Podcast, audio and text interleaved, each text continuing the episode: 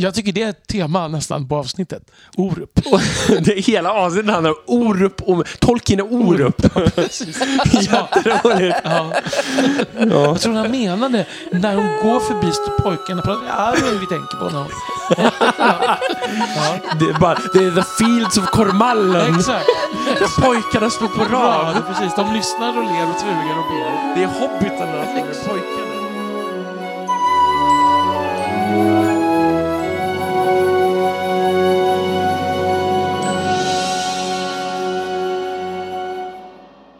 Hej och välkomna till det 66 avsnittet av Tolkienpodden.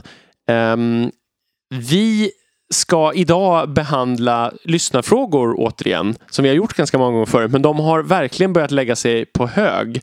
Ehm, så därför så måste vi skala av några av dem från den Från, här... från den här löken som Ja, bara växer. precis. Har börjat växa till sig. Ja. Så ehm, nu, den här det blir en väldigt blandad eh, metafor här. Men, men jag tänker att vi, vi, några har legat väldigt länge och vi försöker ta tag i några större frågor som, som har legat flera år faktiskt Mm. och väntat i Som en kombination av en surdeg och en lök. Ja, precis. En Och vi- surlök. Och vi som blandar Så. metaforer, vilka är vi då? Adam. Elisabeth. Och Daniel. Men innan vi går in på de här frågorna, då ska vi ha lite tips. Jajamän.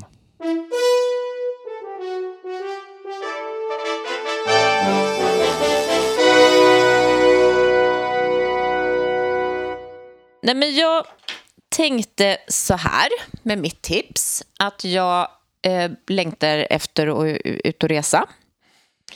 Helt enkelt. Eh, och eh, då hittade jag en sida som fick mig att längta efter, ännu mer efter att läs, eh, ut och resa. Eh, och den heter Tolkien Library. Eh, och finns, det är bara att googla. Eh, och de flesta kanske redan har hittat den. Jag är säkert väldigt sen på den här bollen. Eh, men de har listat 15 platser som Tolkien-fans eh, borde besöka innan de dör. Oh. Eh, och där kände jag att de här ställena, de vill jag eh, hälsa på. Ha, är det några du kan pricka av redan? Ja, Hithaiglir. Nej. Precis. eh, tyvärr så är det ju inte så många, men Oxford. Mm. Eh, och faktiskt Exeter eh, också. Just det. Ehm, så att det finns ja, Eagle and Child. Eh, Och det är ju för sent. Förlåt att jag bara bryter in här. Jag läste idag, och det här hade jag inte fattat för jag är lite trög. Den, när den, sen corona, när, det, när den stängde England Child, så har den inte öppnat efter det. va? Gud vad tråkigt. Eh, och det är för att tydligen personalen där, alltså den har tydligen varit så nedgången liksom på, i personalutrymmen. Alltså källaren har varit, fuktskadat och mm. så här, o, oarbets, dålig arbetsmiljö och sådär. Så det har varit väldigt mycket prat om vad man ska göra, om man ska bygga hotell eller om man skulle göra. Men nu var någon, det var något förslag på någon lösning att man kanske skulle kunna renovera den. För att den är också skyddad, alltså Ja. eh, Ja. ja, kultur, K-märkt typ. Förlåt att jag bröt in med detta.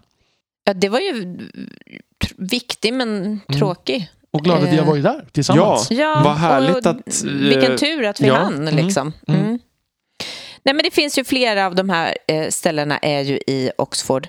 De har vi besökt. Mm. Eh, graven, till exempel. Mm. Eh, men det finns ju fler platser. Och de skulle jag vilja besöka. Frankrike, eh, Nya Zeeland, Schweiz, Sarholm Mill. Ja, nej, det finns, eh, det finns jättemånga ställen som är med och som verkar intressanta. Så att här, här vill jag titta och läsa och längta lite. Mm. Vi får köra det i framtiden en gång. Tolkienpodden på roadtrip. Ja, precis. Eller hela hur? världen. Kan vi Ja. åka till Nya Zeeland och bli lycklig? Ja. Mm. ja, det vore något Mm. faktiskt. Verkligen. Mm. Ja, nej, men så det var mitt tips. Mm. Tolkien Library. Bra Dot tips. com.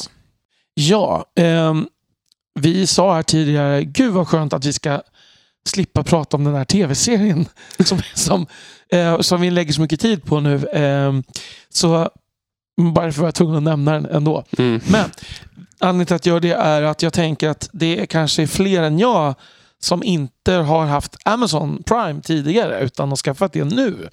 Och en av de serier som jag har liksom tänkt i flera år att när jag skaffar Amazon Prime någon gång då ska jag se den är The Man in the High Castle, eller Mannen i det höga slottet. Um, och det är en eh, det bygger på en roman från 1962 av Philip K. Dick som ju har gjort väldigt många romaner som har blivit filmatiseringar som alla förhåller sig ganska fritt till hans romaner. Är inte han som har skrivit den bakom Blade Runner? Exakt. Do Androids Dream, of, Electric, Sheep. Ja. Precis. Mm. Det är den enda jag har läst faktiskt av hans romaner. Och jag måste ju säga att alltså, filmen är väldigt mycket bättre. Men han känns ju som en idémakare av rang. Liksom. Mm. Det, medan utförandet kanske liksom inte alltid blir 100%. Nog om det, för tv-serien byggs på en annan av hans roman som heter The Man in the High Castle. Och det är en kontrafaktisk historia som utspelar sig när den här romanen kom ut 1962. Eh, där axelmakten har alltså vunnit eh, andra världskriget. Mm. Och delat upp hela världen mellan sig kan man säga. Så eh, det finns bara det finns bara Japan och Tyskland och så finns det några neutrala zoner. Liksom. Mm. Um, och då är det så att USA är delat på mitten kan man säga. Där östra halvan tillhör Tyskland och västra västkusten tillhör Japan. Uh, däremellan finns en neutral zon kan man säga. Och då får man helt enkelt följa några personer i den här serien då. Um, som, det sprids nämligen filmer uh, som den här The Man in the High Castle är intresserad av. Alltså rull, så här gamla filmer på rull, mm. rulle. Liksom, som visar en alternativ verklighet kan man säga. Där då de inte har vunnit. Mm. Okay. Eh, ja. Och jag vet fortfarande inte riktigt hur det här hänger ihop. Om det, om det är parallella universum eller om det bara är... Alltså jag, jag har inte fattat riktigt ska jag säga. Mm. Eh, men den är väldigt, väldigt spännande eh, och bra. Och jag gillar den här idén också med vad, vad händer vad skulle ha varit? Ja, ja precis. Vad, vad mm. blir USA när det blir nazistiskt? Och vad blir ja. det när det blir... Alltså, mm. Det är väldigt intressant att se liksom också. Um, och någon slags maktbalans mellan de här två enda supermakterna som då finns. Liksom. Mm. Uh, så jag kan rekommendera den. Och dessutom, om man då tycker att um, Rings of Power kanske eh, som vi lite varit inne på lite grann, att kanske manuset kanske inte är det starka sida, mm. så är det här en serie som är väldigt, väldigt välskriven. Och det är fyra säsonger, tio avsnitt var. Så att det och hur långt har du själv hunnit se? Till ungefär hälften i säsong två. Ja. Och det är fortfarande väldigt bra, ja. tycker jag. Lovande. Mm. Mm. Ja, jag har tänkt se den. Den står på min att se-lista mm. eh, över serier, men jag har inte hunnit dit än. Nej, den eh, jag, är rätt se fick en helt annan association som inte är mitt tips. Men om, alltså, det finns en väldigt bra roman med väldigt liknande premiss mm. som heter Fatherland skriven av Robert Harris. Den, den går inte riktigt lika långt. Alltså, där är det mer som att liksom, axelmakterna vinner genom att USA drar sig ur kriget för att de uppfinner atombomben först och så. Mm, mm. Och sen så utspelar den sig i Nazityskland när 20 år efter när de har vunnit. Just det. Mm. Och den är jättespännande kontrafaktisk historia också med många trovärdiga detaljer tyckte jag. Mm. Så det är en deckare i i Nazityskland på 60-talet. Det låter jättespännande. Ja, det, den är väldigt bra. Jag har läst lite annat av honom. Han är ju ganska mm. bra tycker jag. Mm. Jag måste bara säga, jag kom på en annan, serie, en annan tv-serie på HBO som hette The, uh, The Plot Against America som också har liknande mm. tema när Charles Lindbergh har blivit president. Jaha, spännande. Um, som ju han, han, han drogs ju lite åt de här, han var ju lite nazisympatisör. Lite. Ja. Mm. Men uh, den serien kan jag säga var inte alls lika bra som den här. Nej. Så, uh, så att vill man se någonting där USA blir fascistiskt så rekommenderar jag The Man in the High Castle. Mm. Ja, um, mitt tips den här gången. Ja, jag kände ju lite grann att beroende, ja, det har blivit mycket spel och sånt på sistone. Men tyvärr så kände jag att det nästan måste bli ett spel igen. Baserat på att jag mest har jobbat och eh, jobbat och, och pysslat med andra saker som jag varit tvungen att göra på sistone. Så en av få saker som jag gjort på sistone som jag tycker har, har lite relevans för det här också. Mm. Det är att jag har provat på ett nytt Eh, eller det är, inte, det är inte nytt, men ett för mig nytt rollspel eh, som heter Microscope. Som det är ett indie-rollspel, alltså det är inte utgivet av ett stort företag. Eh, det är skapat 2011 av en kille som heter Ben Robbins, om jag inte minns fel. Och ehm, det står i förordet att om du är, bland, bland, några andra saker, om du är sugen på att skapa Silmarillion så är det här rollspelet för dig.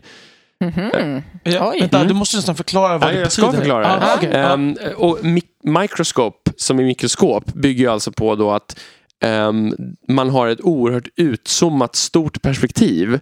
Så man, två eller flera, jag tror att spelet funkar kanske bäst om man är tre, ska jag gissa på, skapar händelser i en väldigt övergripande historia, lite som Silmarillion. Och då finns det olika nivåer. Man kan skapa eror eller epoker. Uh, man, man sätter en setting från början. Man bestämmer. Mm. Det ska handla om en um, att jorden har gått under och att mänskligheten är på en stor farkost på väg någon annanstans. Eller det handlar om en, liksom ett folkslag som vandrar iväg från sitt urhem. Eller man sätter en sån, liksom, ger massa förslag också. Sådär. Mm. Och sen så bygg, bygger man tillsammans den här historien men man behöver inte bygga den kronologiskt eller linjärt. Utan en person hittar på en man hittar på en startera och en slutera. Och så bestämmer man om det ska vara ljus eller mörker, alltså positiva eller negativa utvecklingar och ungefär vad som händer i dem. Och sen turas man om och man får liksom inte spåna eller avbryta varandra eller lägga till.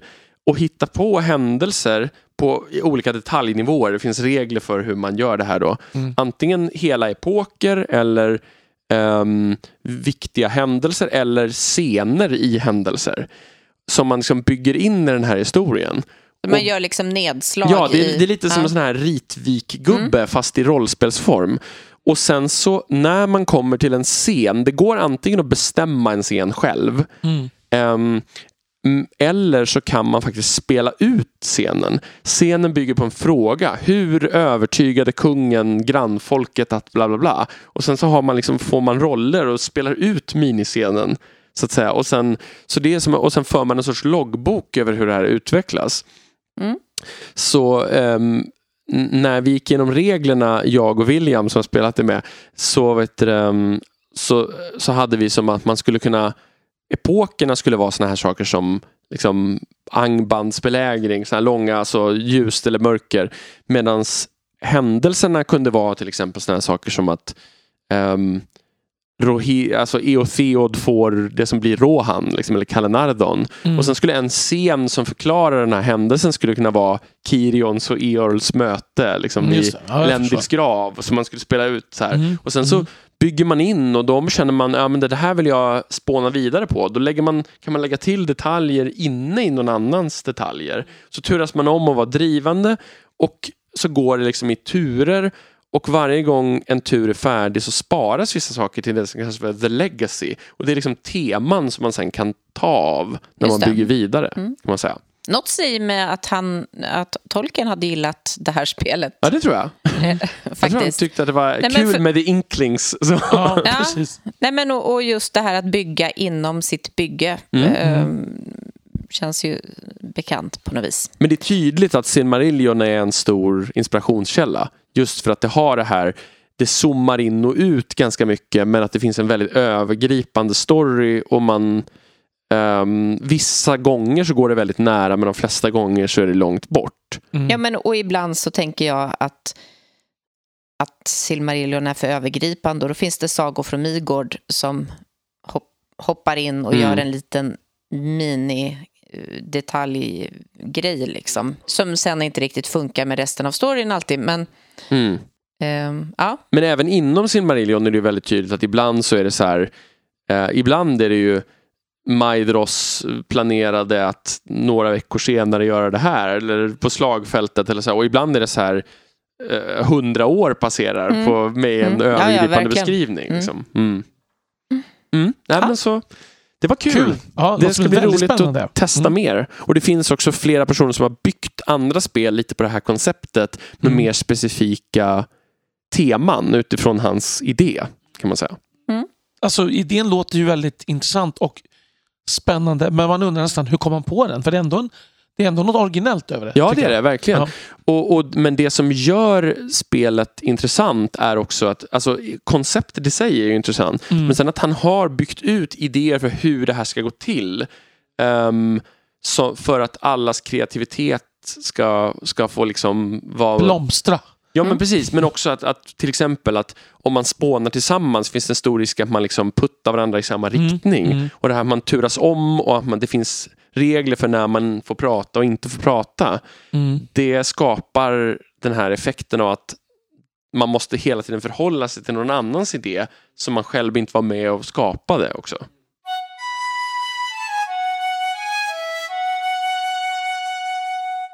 Nej, men då har vi kommit fram till de här första frågorna. Eh, och, eh, vi var väl inne på att vi skulle börja med tre stycken frågor från Olof. Eh, och de här känns lite aktuella. De, de är ett tag sedan de ställdes, men de är högaktuella ur det, ehm, den aspekten att det berör lite den tid som just nu behandlas i den här serien Som som, vi inte skulle tydligen håller prata om. tänkte säga samma sak. Den som vi inte nämner. precis. Ehm, så jag tänkte att vi, vi går in på dem. Och, eh, I det här fallet så har vi någon som har eh, förberett sig ordentligt eh, på de här frågorna. Äsch, nej jag skojar. Är inte jag. kan man säga. Ja. Så vi andra kommer att vara de som mer läser upp själva frågan och Ja. sen överlämnar vi med varm hand svaret till Adam. Och så nickar vi och ler, fast det är ingen som kommer höra. Att Le och le i vinka. tystnad, le mjugg här. mjugg, Ja. Mm. Första frågan. Finns det något skrivet om vilka arméer som Sauron hade tillgång till under tiden för alvernas och Saurons krig? Det står också att eh, han har för sig här att det står någonstans att Celebrimbors kropp genomborrats av orkpilar. Jag tror att vi stannar frågan där. Det absolut. räcker, så får du utveckla Ehm, lite. Det, det, det här är väldigt intressant för att jag tror inte att det fanns något svar på den här frågan utgivet fram till relativt nyligen.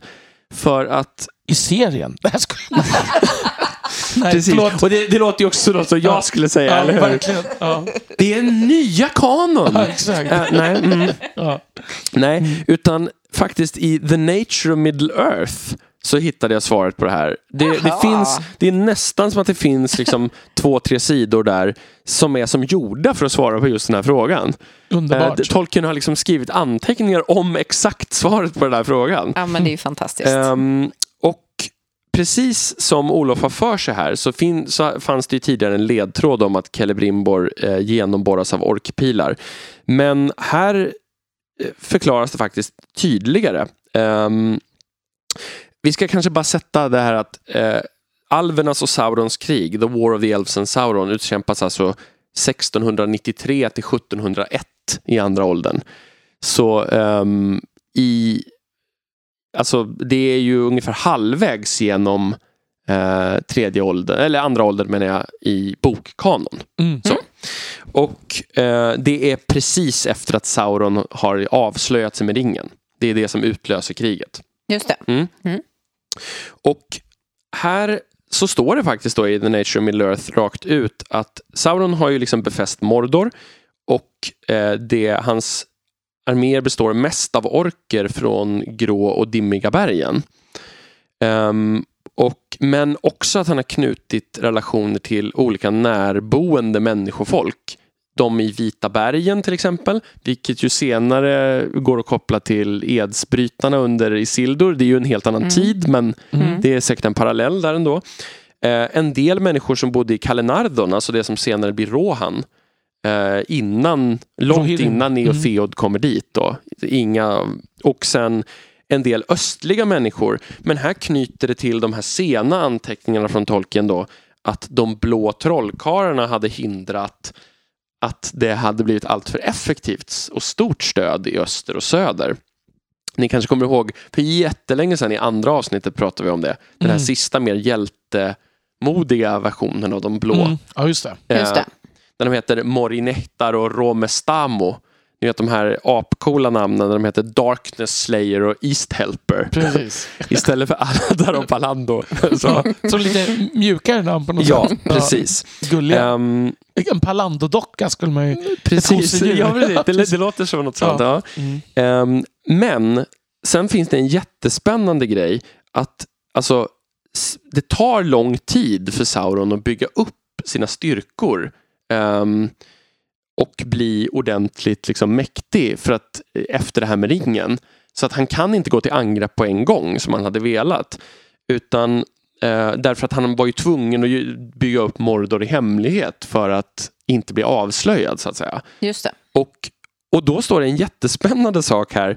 Nu, nu, det här är inte citerat i ord från Tolkien, men mer eller mindre så står det då att han fick kämpa med att gradvis få in starkare och större orker från östern, alltså än de här dimmiga och grå bergenorkerna. Mm. Mm. För att i början hade han liksom svårt att rekrytera de här. För när han fortfarande var Anatar och såg så eh, fin ut så tyckte de att han var töntig. Typ, och ville liksom inte ansluta sig. Så han var tvungen att bli så Hörru. ond och läskig och farlig. För att de här badass-orkerna skulle vilja hänga på. Alltså liksom. jag tänker att det är lite så här, ja, kom du från Fjollträsk och tror att det är något? Ja men lite där. Det, det är de orkerna liksom. Ja, det är de. de, det, det tog ett tag att liksom Ja. vända dem. De blir, "Ja, Men han är ju ganska ond ändå. Ja, precis.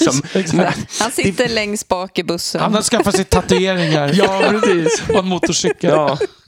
Ja. Ungefär så. Ja. Så det tycker jag var en spännande liksom, så här, dimension som Tolkien lägger till Ja, där. Liksom.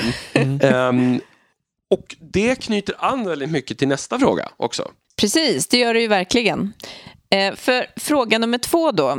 Vad vet man om de skepnader som Sauron nyttjade under andra åldern? Eh, och frågan tar också upp att, att eh, det finns två explicita beskrivna gestalter. Den fagra och alvliknande. Eh, och den mer fruktansvärda. Men eh, finns det ytterligare fler? Ja, och, och det här är ju spännande för att det är lite oklart exakt när han använder den, alltså när han går över till den onda gestalten eller, om, eller när han ser ut som Anatar. Det enda vi vet är att han inte kan ta den vackra gestalten längre efter Nomenors undergång.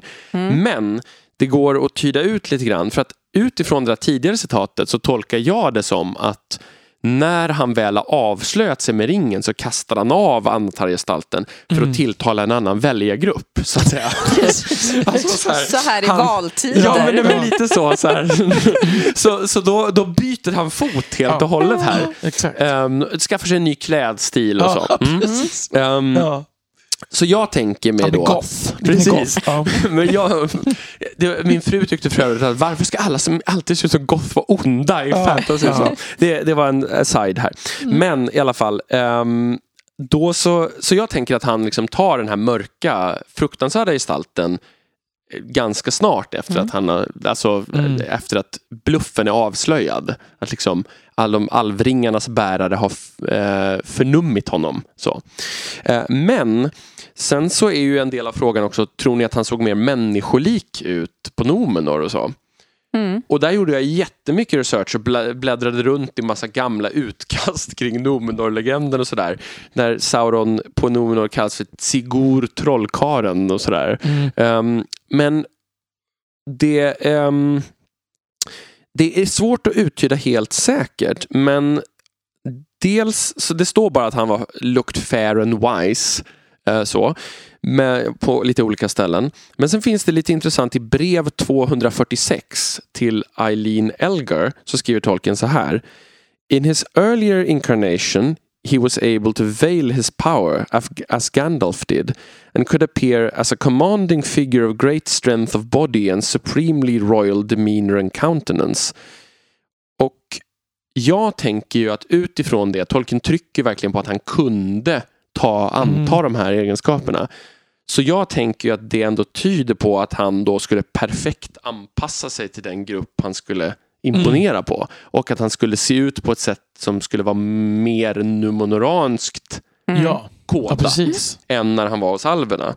Ehm, och Känns det, ju ganska rimligt. Ja, precis. Ja, och det kanske bygger mer på... Man kan tänka att det drar mer åt någon slags visheten i alverna och lite mer på konungslighet. Ja, och- styrka Mm. Ja, mm, Mm. precis. Framförallt i- där Nomenor är i sin utveckling ja, just ja, då. Ehm, det enda, så en liten, liten grej som pekar kanske i andra riktningen, men som är ett svagt argument, det är ju att i Silmarillion så står det His fair semblance had departed forever, som att det var i singular. Mm. Men Mm. jag tolkar det ändå som att det andra är starkare och pekar mer åt att han skulle ha mer kontroll över sin, sina gestalter. Så som i min eh, tolkning så skulle han se mer människokonung ut på Nomenor. Och sen kan man ju fråga sig hur mycket som faktiskt är hur han ser ut och hur mycket han liksom Utstrålar. påverkar liksom, Mm. genom bara sin aura. Liksom. Mm. Ehm, det känns som att det skulle kunna vara mycket det. Ja. jag. Mm. Men vet vi någonting om hur han egentligen, när han blev, eh, gick in i sin skräckgestalt, vet vi något om hur han egentligen, vad var det som var så läskigt med den? Nej, alltså det, det, det är väldigt vagt. Alltså det Tolkien använder ju väldigt ofta bara beskrivande adjektiv och sådär. Det finns ju den här, ni vet den här teckningen han har gjort. Som, Mm. Men den är ju otroligt suggestiv och mer, ja, mer... Och det är väl den som de har byggt Peter Jackson utseendet på. Mm. Han gör en skiss Är av det där han Sauron säger också? Att, det. han, att han är stor men inte gigantisk? Precis. Typ. Mm. Och, och, och det är att han är liksom, han ser ut som, han är, ser större ut än en människogestalt. Mm. Och vi Mm. vet också det här med att hans hand ska ha liksom svartnat av liksom någon sorts inre hetta. Mm. Sådär.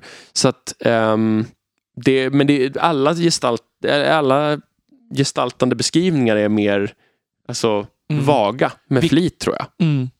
Mm. Precis. Det vi vet är att han inte bara reducerade sitt stort öga i alla fall. Nej, det Mm. vet vi ju helt säkert. Och det, har vi ju, det är faktiskt en annan fråga som jag tror att vi kan eh, korsa, Mm. eller stryka nu, Mm. från vet du, um, vår lista där någon frågar kring det faktiskt Mm. senare. Eh, men, men det har vi ju pratat om förut, men alltså det finns ingen period i böckerna där Sauron bara är ett öga, utan det är alltid en symbol. Mm. Vi tar och går till den sista frågan här från Olof. Mm. Eh, så till den sista alliansen. Vet ni varför den kallas så?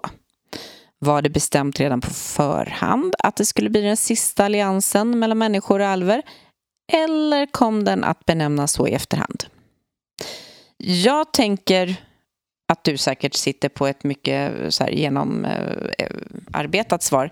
Spontant så tänker jag att det är väl väldigt sällan som saker nämns innan det Verkligen. har eh, tagit slut. Mm. Det är som du pratade om eh, någon gång Daniel, om din eh, systerdotter, sista sista. Ja, just det. Precis. För, först tar man sista biten godis eller vad det kan vara, kaka. Sen är det sista sista. Ja. Sista sista alliansen. Ja. Nej men så är det. Jag håller verkligen med Elisabeth. Spontant känns det som att man kall, man, saker får namn efterhand. Mm. Det är nästan alltid så. Sen, sen är det ju klart att det finns ju saker som är möjliga att ge under tiden. Men jag menar, Ja. eh, i- i förhållande till 30-åriga kriget så kanske man har lättare Ja, att nu säga ska vi att det här... starta ett 30-årigt krig. Ja, precis. Precis. Ja. Ja. Men eh, att det sista känns ju ändå rimligt att det kommer efteråt, eller? Alltså, jag håller med. Olofs fråga innehåller ju också frågan att det finns ju massa senare tillfällen också. Eh, alltså, om än inte lika stora. Alltså, till exempel att både Lindon och Rivendell stöttar Arnor ganska mycket under tredje åldern i viktiga eh, strider mot Angmar, slaget vid Fornost och sådär. Just det.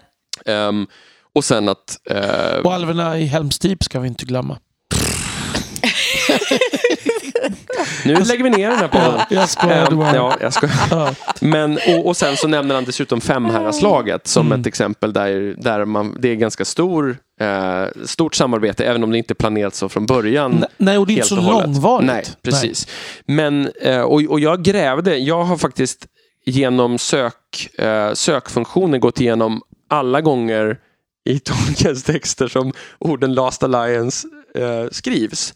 För att hit, se om det står någonting någonstans. Och det gör inte det. Nej. Eh, däremot är det intressant att det är alltid med stor bokstav Mm. på både Last och Alliance. Så det är alltid liksom som, även när han refererar till det namnet i en det. mening, precis, så, är, så är det verkligen så. Och det, Och det är därför det också funkar att det liksom faktiskt kan uppstå efteråt. För Mm. att det är mer ett begrepp än, Mm. än en beskrivning. Mm. Nästan. Precis. Ehm, och det närmsta vi kommer någon typ av förklaring till eller, eller diskussion om det här det är en anteckning i Unfinished Tales den, som ligger väldigt nära den här grejen där, där han skriver att Legolas uppnådde minst i brödraskapet. Den här Mm. ganska kända Ehm, så skriver han Elendil and Gilgalad were partners but this was the last alliance of elves and men. In Saurons final overthrow elves were not effectively concerned at the point of action. Mm. Ehm, och jag tycker det är, det är lite intressant. Men jag tänker ju helt enkelt att det är sista gången som folken i stort gjorde gemensam sak Mm. på bred front. Liksom att det var, man såg det som att hela släkterna kämpade tillsammans mot Sauron. Som att det också är att de är likvärdiga på något plan. Ja. Liksom. Mm. Mm. Det är inte bara att man hjäl, liksom, Det är inte att man stödjer någon. supportar en, utan Mm. vi går ihop som Precis. en enhet. Liksom. Ja. Mm. Mm. Men förutom att namnet bör ha kommit till efteråt så är det väldigt svårt att avgöra hur långt efteråt. Det, det fin- jag hittar inga ledtrådar Nej. eh, trots att jag har försökt att verkligen finkamma efter antydningar och sånt där. Men det, jag, jag hittar ingenting i alla fall. Så att vi, vi kan ju spekulera bara då, men det har vi gjort nu. Ja, Jag, jag tänker också bara, för att lite skämt åsido med det där med Helms Deep. En av de saker som, alltså ett av de argument som de som inte gillar, som lite ytligt inte gillar alverna där, mm. är ju att de brukar säga, ja men vadå, är det här the, alltså typ sista sista Mm. alliansen då? Ja, det var ju en sista allians. Det motsägs ju för sig av då att det finns andra samarbeten senare. ja, och som dessutom är betydligt större Ja. än det där samarbetet. Exakt. Alltså jag menar de här slaget vid Fornost är ju en jättemycket större Ja. grej rent militärt. Sen, menar, sen kan man ju tycka, vad man vill, men just det argumentet är inte det bästa argumentet. Eh, I så fall. Nej, precis. Då ditt citat från vad han säger om vad de gjorde vid Ingens krig ett mycket bättre argument i så fall. Ja, Ja, får man ju säga. det kan man kanske hävda. Mm. Men så, så där hoppas vi att eh, du känner Olof att vi har svarat bra eh, kring, kring, eh, på alla tre frågorna här. De Mm. hänger, ju- Alla tre är ju lite ihopkopplade för att de, de ramar alla in lite handlingen i serien. Mm.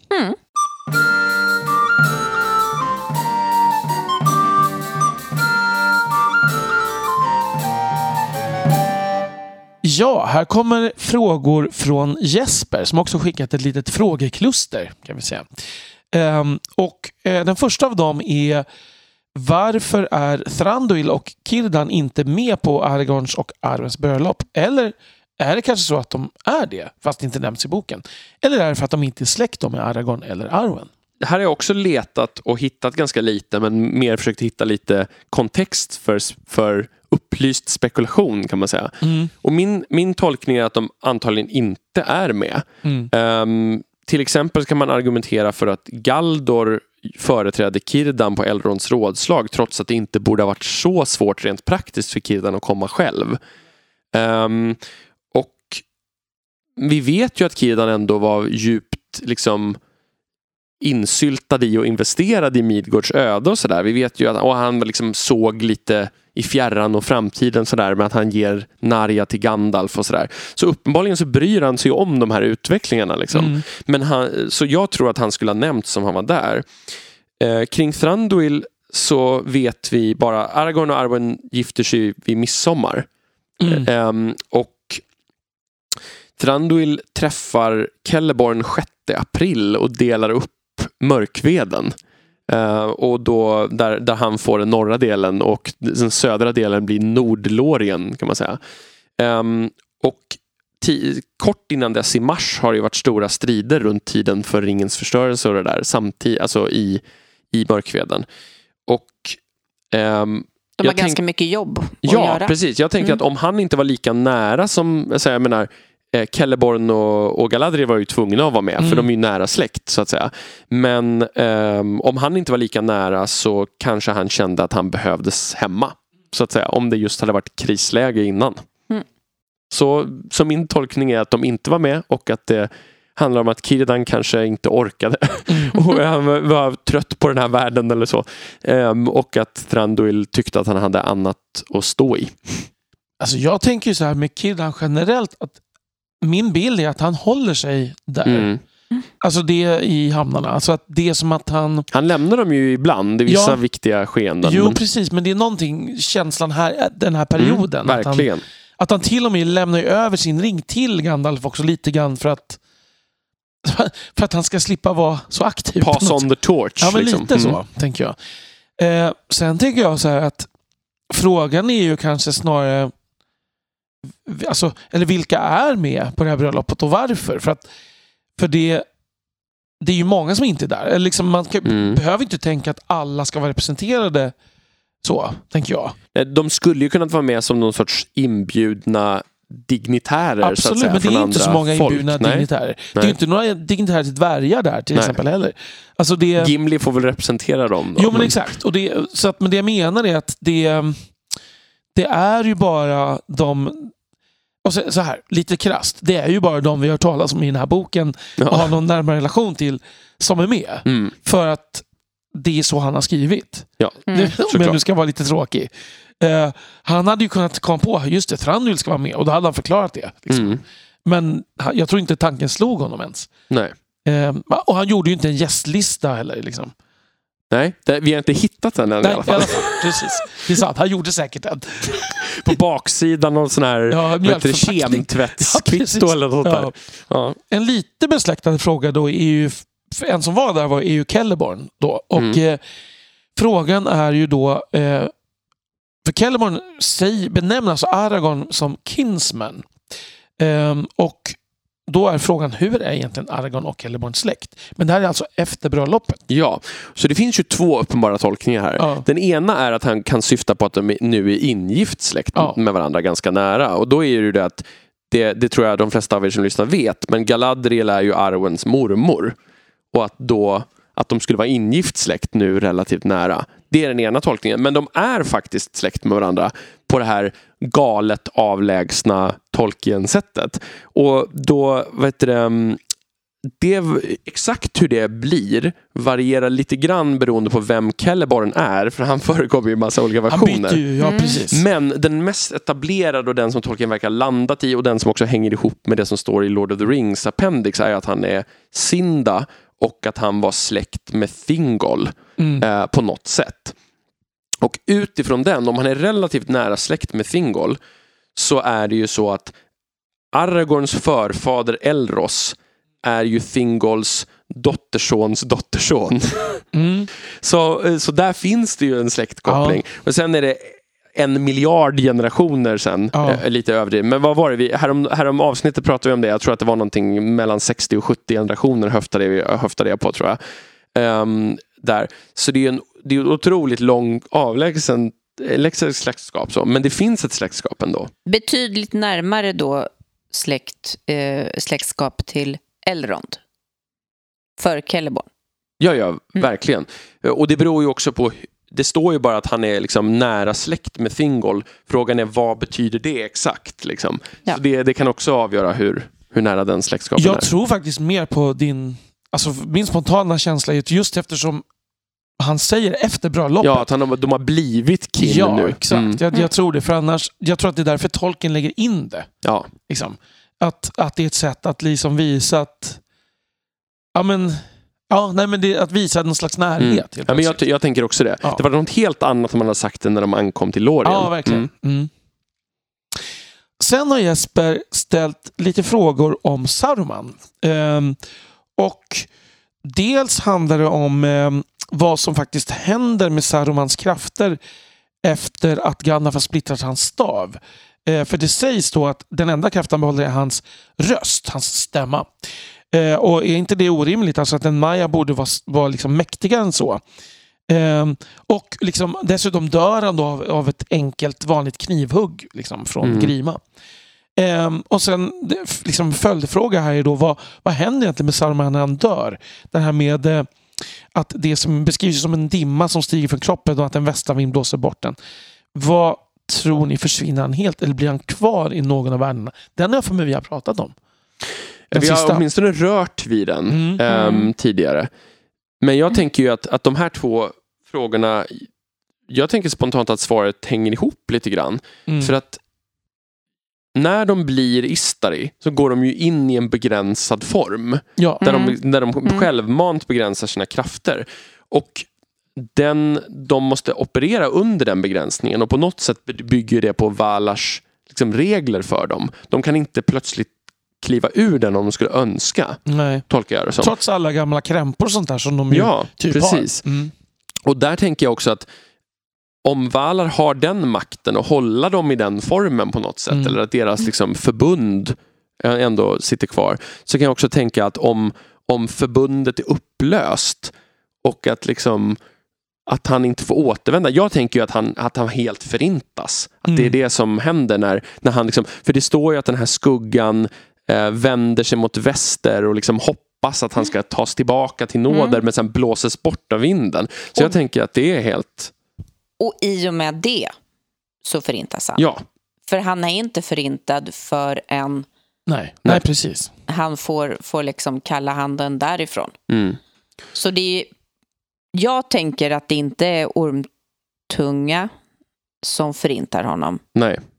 I det fallet, utan Precis. Men jag tror att Gandalfs kropp också hade dödats Exakt, om en ork exakt. hade huggit honom i halsen. Ja. ja, eller som Alltså- att han dör ju faktiskt. Ja, precis. Ja, ja, precis. han dör ju. Men då Ja. skulle man kunna hävda att det är liksom en mer metafysisk fiende. Men Ja. jag tror att även en, en simpel fiende som hade skurit halsen av honom i Ja, sömnen hade dödat kroppen. Ja. Nu Mm. tror jag att han fysiskt dör också i striden med, inte bara metafysiskt dör. Nej, men det, det tror jag också. Men jag Ja. menar att där skulle det fortfarande gå att argumentera för Jo, att ja, fienden är på en annan nivå. Att det är det som... Mm. Men det jag menar är att jag tänker att det är parallellt. Ja. Att den ena får komma tillbaka. Mm. Mm. Nej, jag håller Eh, helt med. Och den andra Mm. får inte det. Och får inte ens, får inte ens komma tillbaka.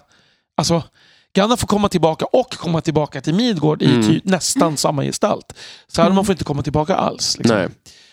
Men, eh, och, och, men det kanske är så också att det här kan hända.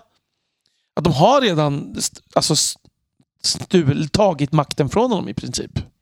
Ja, men för det tänker jag också. Det här med att, att krafterna skulle sitta i staven, det tänker jag att det inte gör. Nej. Men däremot så blir ju det symbolen för att du har faktiskt ingen Mm. som helst makt. Jag tänker att det är en ritual Ja. på något sätt. Ja, Som motsvarar Valars liksom, förbannelse nästan. Eller? Mm. ja men precis. Ehm, men, men att det går liksom inte att plocka bort rösten. Nej. Ehm, För den kanske är hans egen. Liksom, Mm. ja. På ett annat sätt. Ja. För den har ju inte Radagast till Nej, exempel. nej. Nej. Och inte Gandalf heller egentligen på det sättet. Nej. Nej, och det här, här kan man ju fundera. Jag, som, något som jag tänkte på nu är ju att om det är så att, han, att det här är som en tvåstegsraket. Kan man nästan säga. Mm. Att han, han blir först av med, han blir liksom avklädd i princip. Mm. Mm. För det är ju dessutom så att Gandalf Mm. tar ju över hans roll Ja. också. ja.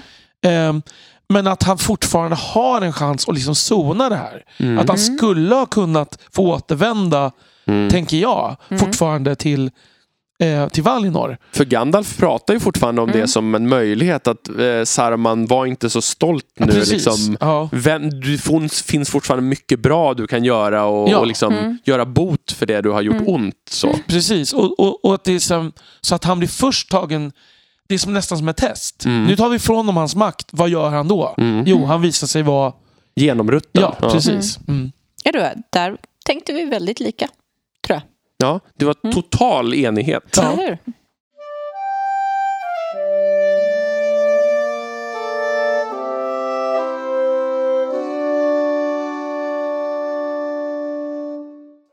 Ja, det är Oskar som har skrivit så här.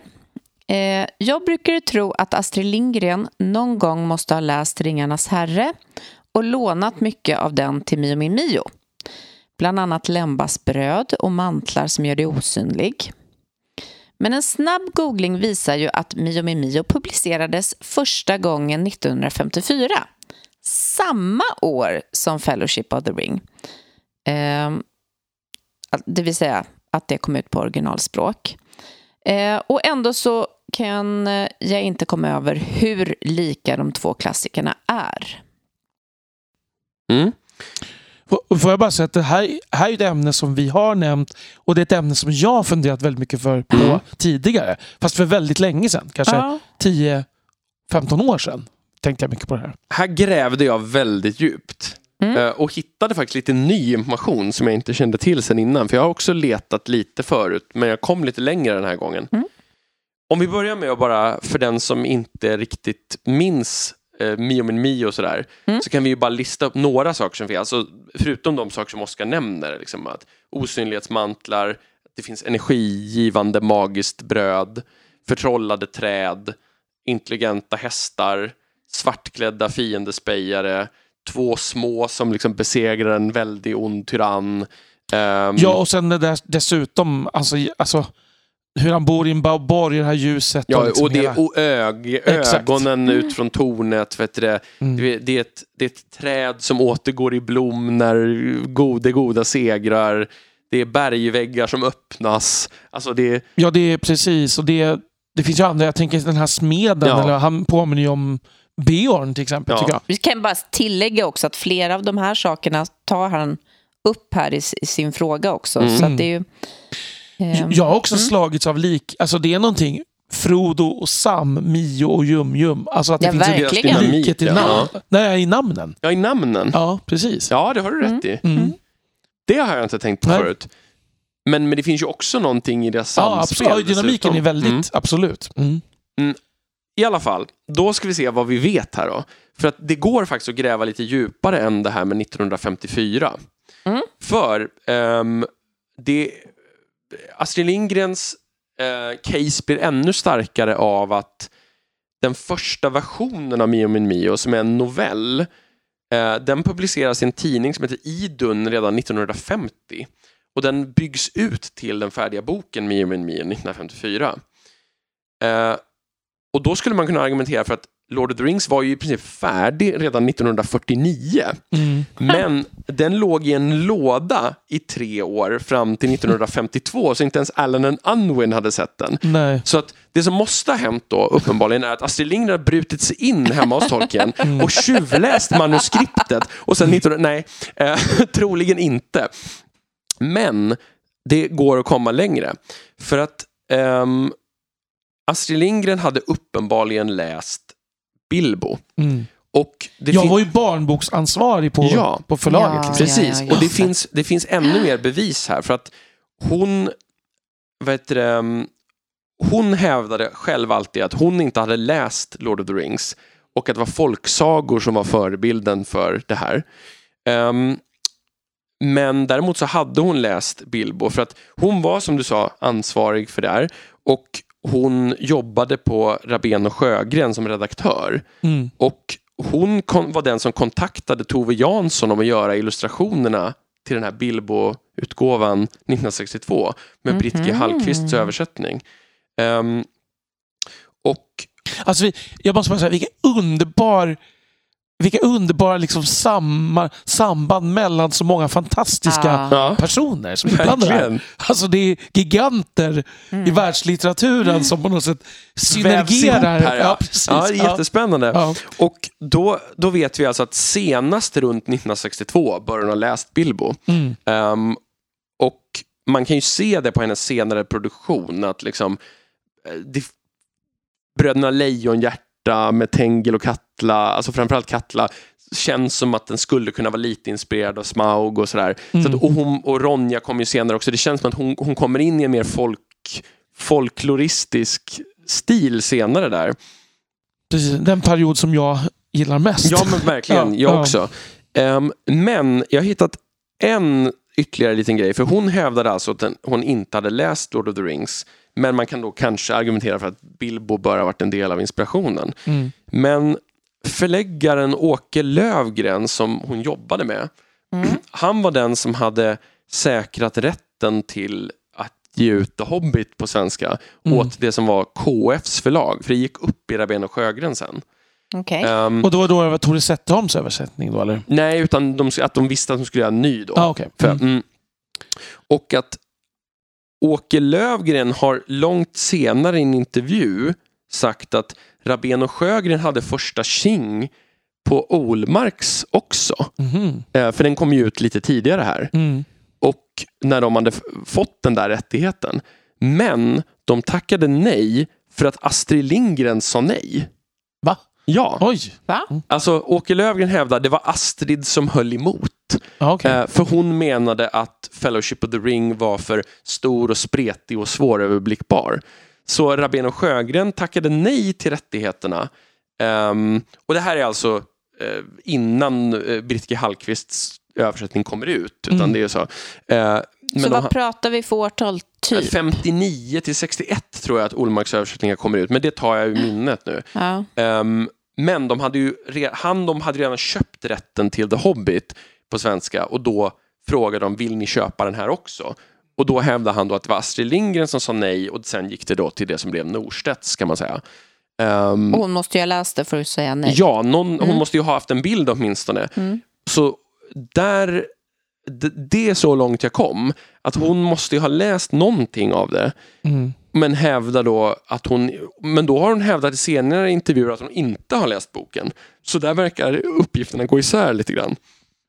Här, här blir jag nyfiken på väldigt mycket. För, men, men man kan ändå säga att hon har inte läst den innan hon skrev Mio Mio. Nej, nej, nej. Ehm. alltså det är uppenbarligen det är ju inbrottet som krävs då. Men, eller ja, jag, jag, har, en, jag, har, jag har en teori som skulle Ja, kunna okej. lösa Ja, den Men- vill jag jättegärna men, höra. för, men först ska jag säga, det skulle, nu, bara, nu blir jag lite konspirationsteoretiker här. Ja. Det kan ju vara att hon, det skulle kunna vara att hon inte gillar Åke Olmarks. Ja. Mm. Alltså, det skulle inte förvåna mig. Nu, nu ska vi inte förtala Åke Olmarks här, Mm. men han kan inte alltid varit lätt att samarbeta med, det tror jag inte. Nej, nej. nej. Eh, det skulle kunna vara att hon liksom använder det som förevändning för att, alltså boken som förevändning för att slippa den samarbeta. Det hittar jag bara på, ska jag säga. Jag har Mm. inga belägg för det här överhuvudtaget. eh, det är bara en liten förhoppning. Skojar. men, men det andra jag tänker, och det här är inte heller, det här är mer sannolikt än inbrottet, skulle jag ändå vilja Mm. påstå. Ja.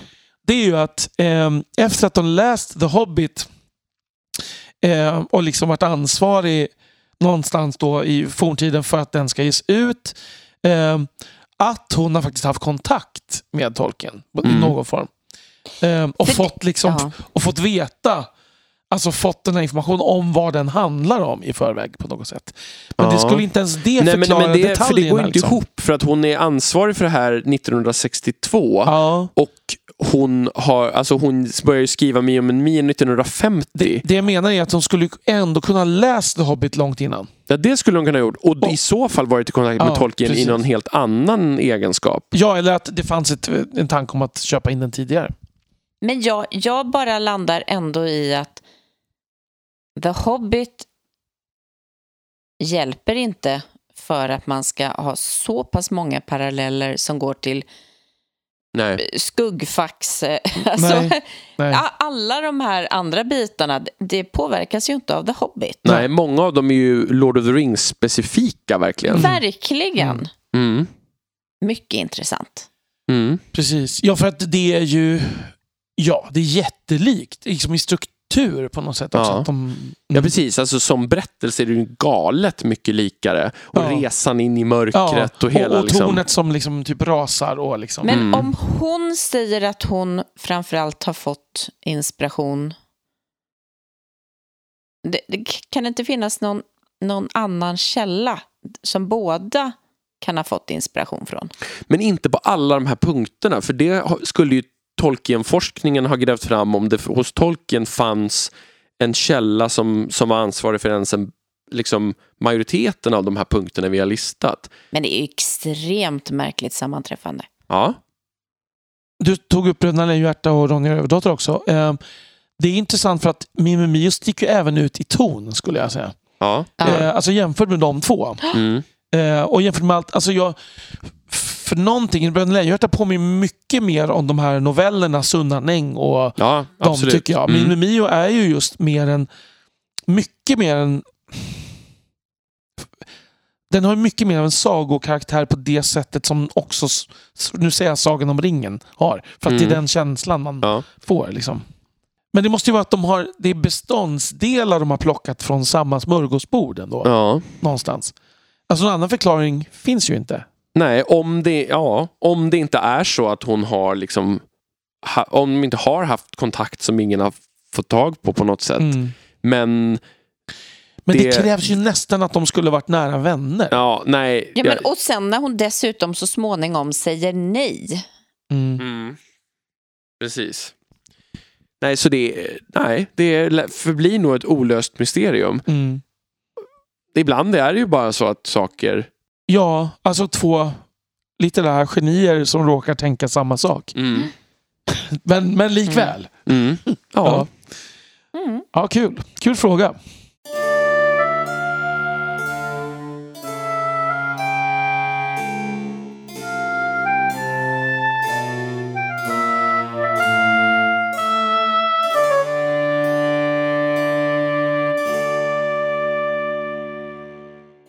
Ja, här har vi en fråga från Anton som handlar om Frodos ålder. Vi, vi har sagt att vi tycker att han är för ung i filmerna.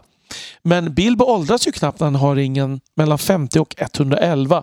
Kan det inte vara samma med Frodo mellan 33 och 50? Eh, jo, det kan det ju, säger jag.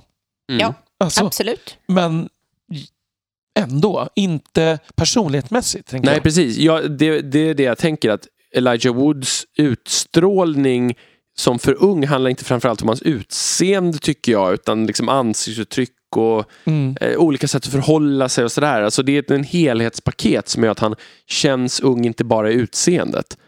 Precis. Sen är han ju inte 50 i filmerna. Nej, Alltså, Nej men inte- precis. Det går ju inte ens, alltså det går ju inte några år utan det är ju, han är ju lika ung som han var när Ja, Bilbo och då ska han ju vara 33. Ja, exakt. Ja. Så han är ju här- precis myndig. Ja, liksom. de här 17 åren är ju bortklippta. Ja. Ehm, men, jag, men jag förstår frågan och utseendemässigt så hade det kunnat vara så. Mm. Men då krävs det mer personlighets, en personlighetsförändring då, tänker jag. Ja.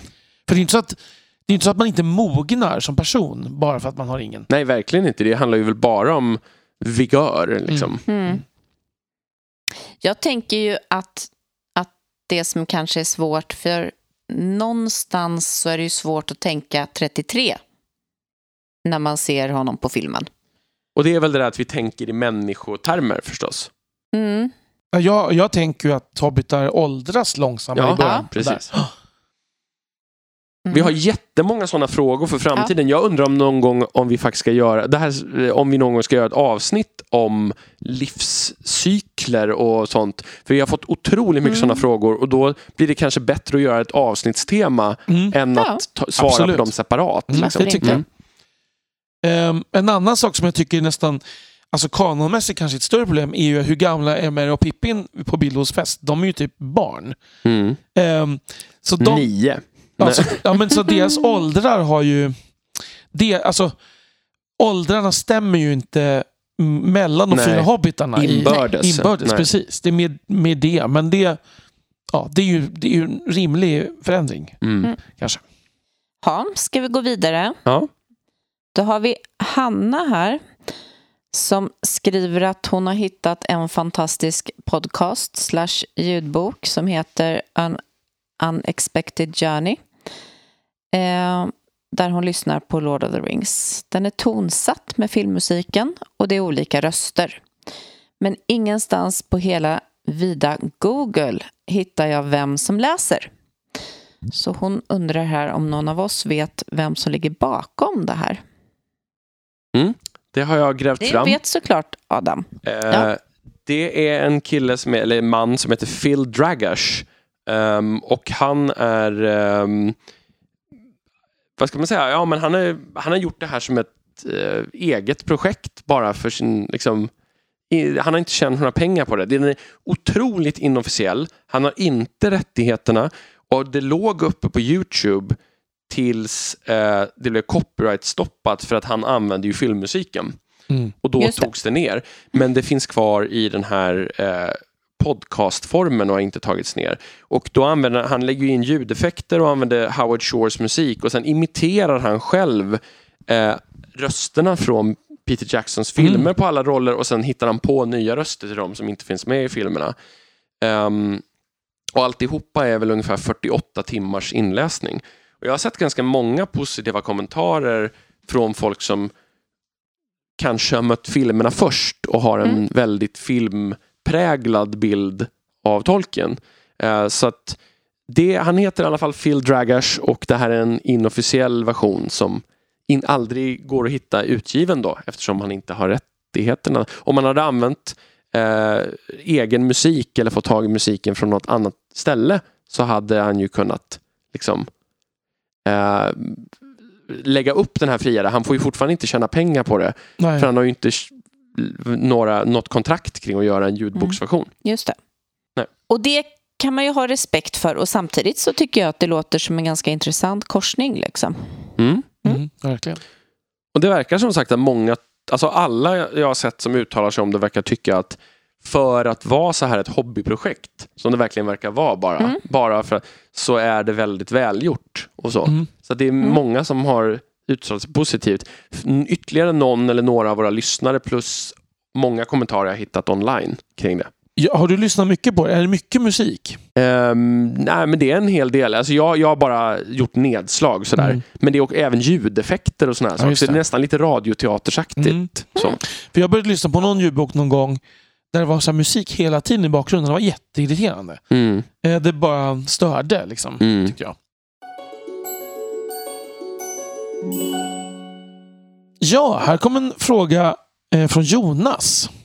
Och det här är en intressant fråga. Mm. Som handlar om Tolkiens politiska idéer. Eh, och närmare bestämt William Morris eh, som var författare och hans socialism helt enkelt. Och, och här har jag också grävt på djupet. Det här är en av de frågor vi har haft som har legat längst. Därför att det är en ganska stor fråga. Eh, och Två och kanske, ett halvt år. Ja, precis. Ja. Gans, kanske en ganska smal fråga. Men det, jag tyckte den var väldigt intressant. Så jag har letat och letat. Ehm, först så kanske jag bara ska förklara vem William Morris är. Mm. Ehm, han levde 1834 till 1896. Han, är, han var konstnär, författare och designer.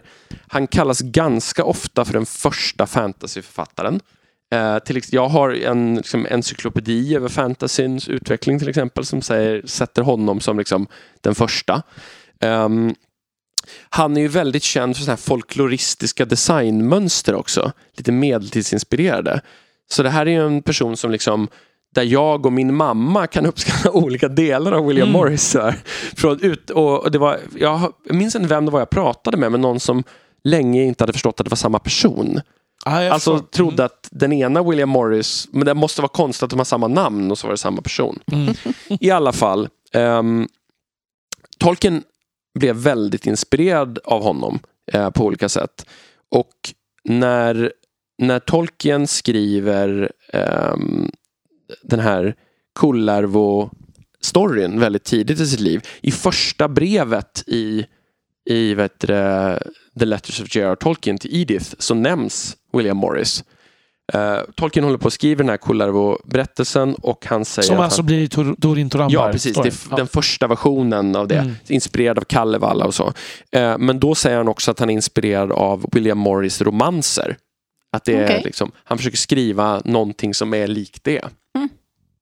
Och ehm, det, det finns flera forskare, Douglas Anderson till exempel, att skriver att han riktade in Tolkiens litterära intressen. Eh, och han läste honom mycket som ung. Tolkien nämner till exempel eh, William Morris översättning av Völsungasagan. Och det har argumenterats bland, av flera Tolkien-forskare att eh, The Book of Lost Tales är väldigt präglad av William Morris stil. Den väldigt tidiga Tolkien. Liksom då. Mm. Ehm, och det finns ett väldigt intressant citat från Tolkien själv till i brev 226 i Letters som är till en professor som heter L.W. Forster. Och då svarar eh, Tolkien på ett brev, det här påståendet liksom, har inte kriget format Lord of the Rings, då andra världskriget, ni vet den här vanliga frågan. Mm, mm. Och då argumenterar Tolkien för att jo men första världskriget var ju viktigare än andra världskriget men även det tror inte jag var i närheten av lika viktigt som William Morris Hunner och romare i böckerna The House of the Wolfings och The Roots of the Mountains. Eh, så eh, även första världskrigsupplevelserna säger Tolkien är liksom Mm. står tillbaka jämfört med den här litterära inspirationen. Ehm, och man vet också, eller det har spårats väldigt mycket att Tolkiens teckningsstil Eh, framförallt med kartorna men även med en del konst inspirerades av William Morris. Han var också inne på gjorde mönster just. Ja, precis. Massa Eh, medeltida folkloristiska, romantiska liksom, mönster och stilar. Så här. Men det här är bara för att de som inte har hört talas om dem ska förstå vem det här handlar om. Eh, Men William Morris var alltså övertygad socialist också. Mm. Och ehm, trots, eller det är kanske lite ovanlig kombo det här med att mycket av hans författarskap var så här fokuserat på medeltiden och det här. Men eh, han var utopisk socialist kan man säga och eh, av en anti... Han var anti-Sovjetunionen eh, och hans kändaste socialistiska verk är en bok som heter News from Nowhere från 1890. Och det, det är i princip en ut, utopibok där han förklarar en, eh, en framtida värld där ingen äger någonting, det finns inga städer, det finns inga pengar, det finns inga fängelser. Alla människor lever i liksom eh, någon sorts avskalad tillvaro där de har hittat glädje i naturen och liv och konst och arbete förenas till ett. Liksom så här. Och jag har inte lyckats hitta ehm, någonstans huruvida Tolkien har läst den här boken. Han Mm. nämner aldrig den boken. Ehm, och, men det är också intressant ska sägas då att William Morris var, var kritisk mot Sovjetunionen och var kritisk mot all socialism som liksom ville samla makten i staten. Han skrev den här boken som en reaktion mot en annan bok som, eh, från en författare som heter Edward Bellamy som heter Looking Backward som kom några år tidigare. Som var väldigt hyllande av den, det sättet att tänka. Så han var ju väldigt, eh, vad ska man säga, kanske, kanske ordet anarkistisk skulle kunna Mm. komma till. Och där hittar jag spåret man kan dra lite i. För även om Tolkien inte visar några som helst eh, positiva, liksom, någon positiv syn på socialism så uttalar han sig faktiskt i brev 52 att han säger att han är filosofisk anarkist. Mm. Alltså inte sån här som är män med stora mustascher som Nej, är bomber. Nej. Men, men med, på det sättet att han menar att det perfekta vore en okonstitutionell monarki, ingen stat, att man inte skulle ha någon centraliserad makt, att de som borde leda skulle vara de som inte vill leda egentligen. Om man skulle ha en kung som egentligen är ointresserad av makt men som har möjlighet att liksom ta bort makten från, från de som, hans visir. Sådär. Mm. Eh, eh, Och där tycker jag ändå att det finns någon typ av parallell. För Tolkien skriver också att i det brevet att eh, man kan hoppas att makten skulle gå tillbaka till, fo- till folket men numera är liksom allt stöpt i samma politiska form, säger han. Liksom. Och att, um, att det, det bara fungerade, hans idé, det här när världen var ineffektiv förr i tiden. Och, men då avslutar han med en väldigt radikal mening där han säger att liksom, um, det enda hoppet är att folk, folk har börjat spränga fabriker och att det är någonting bra, liksom, att de motarbetar staten. Så här. Och där tycker jag ändå att det finns någon intressant parallell mellan det här. Mm. Alltså i det här att de båda är oerhört anti-hierarki och någon sorts dominans. Precis, för man, Mm. när vi pratar, vi säger ofta att Tolkien var konservativ och det var han ju på väldigt många sätt. Men han var ju inte konservativ. Det, det är inte en, en, helt gängse version av konservatismen och framförallt inte en nutida version Nej. av konservatismen skulle jag säga. För det finns ju många olika sorters konservatism Ja, också. exakt. Ja, precis så är det ju. Men det, jag tror att man... Alltså jag menar, dagens konservatism bygger mycket på kapitalismen som system. Mm, Och det var ju Tolkien extremt mm, kritisk till samtidigt. Han hatade ju utveckling mm, och där ingick ju ekonomisk utveckling på det sättet. mm. Just det här att maskiner... Ja, hans sprängande skulle ju också kunna handla om att han faktiskt inte tycker att de där ska finnas. Mm. Ja, Men, men i det här sammanhanget så handlar det väldigt tydligt om någon typ av uppror mot, mot maktansamling Mm. också. Jag gillar, nej, liksom precis. folket mot staten, Mm. Liksom lite grann så. Mm. när, när, när, kons, när konservatismen argumenterar för en liten stat. Man utgår ju sällan mot, från, eh, från folket mot staten på det sättet skulle jag säga. Utan Nej. mer att marknaden sköter mycket av eh, Mm. alltså samhällets, samhällets utveckling. Men det finns ju samtidigt i konservatismen ofta en bild av det här med att staten lägger sig i för mycket. Ja, exakt. och att absolut. så att säga, samhället ska puttra på av sig självt. Så att säga. Precis. Um, och och det, den delen skulle ju Tolkien ha skrivit på. Ja. Däremot så skulle han kanske vilja spola tillbaka ännu längre. Till någon slags anarkokonservatism helt enkelt. Ja, ehm, och det det är ganska intressant. Men, men jag tänker här kring William Morris, alltså det finns alltså inga bevis på att han har läst de Mm. här mer politiskt kodade Nej. texterna. Men det är ju inte alls omöjligt. Nej. Nej, det jag funderar över är, är ju liksom att om man då tar William Morris hans version av socialism Mm. och Tolkiens version av konservatism ligger kanske inte så långt ifrån varandra då, kan man kanske Nej. konstatera.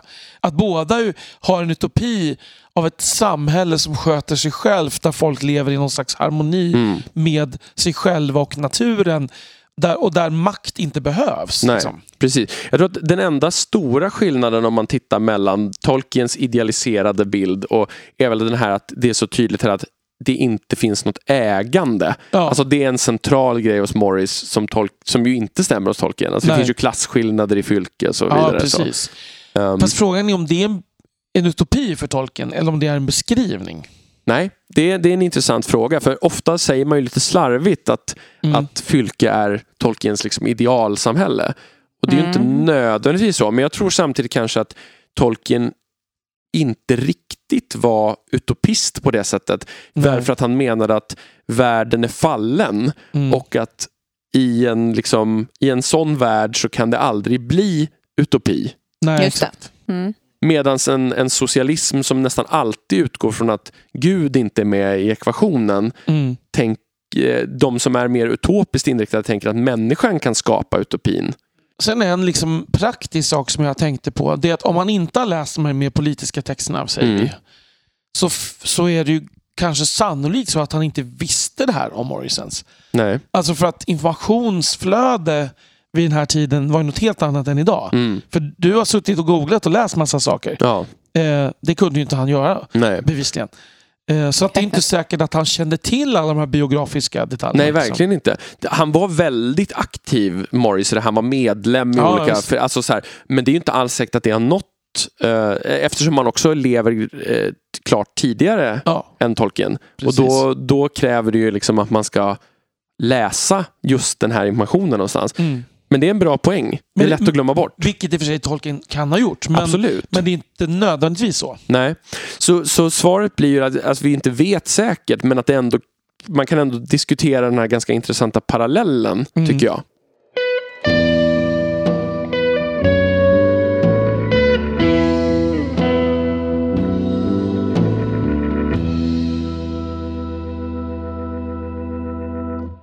Då går vi vidare. Vi kommer till en fråga från Sebastian.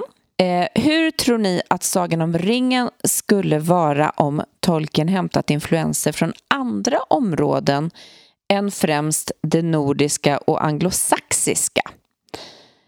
Eh, kan det bli en liknande ramberättelse influerad av första världskriget eller skulle det bli något helt annat? Och det där hänger ju lite ihop med det där vi sa om inspirationen från, från Morris, tänker jag.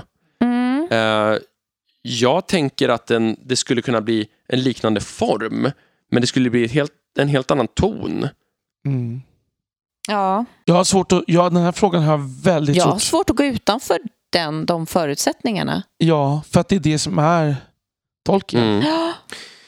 Men det hänger ihop lite grann med en diskussion vi har haft förut med till exempel om man, skulle, om man ska översätta till ett språk som kommer från en helt annan del av världen. Mm. Mm. Vilka paralleller gör man när man ska när man ska koda de här sakerna?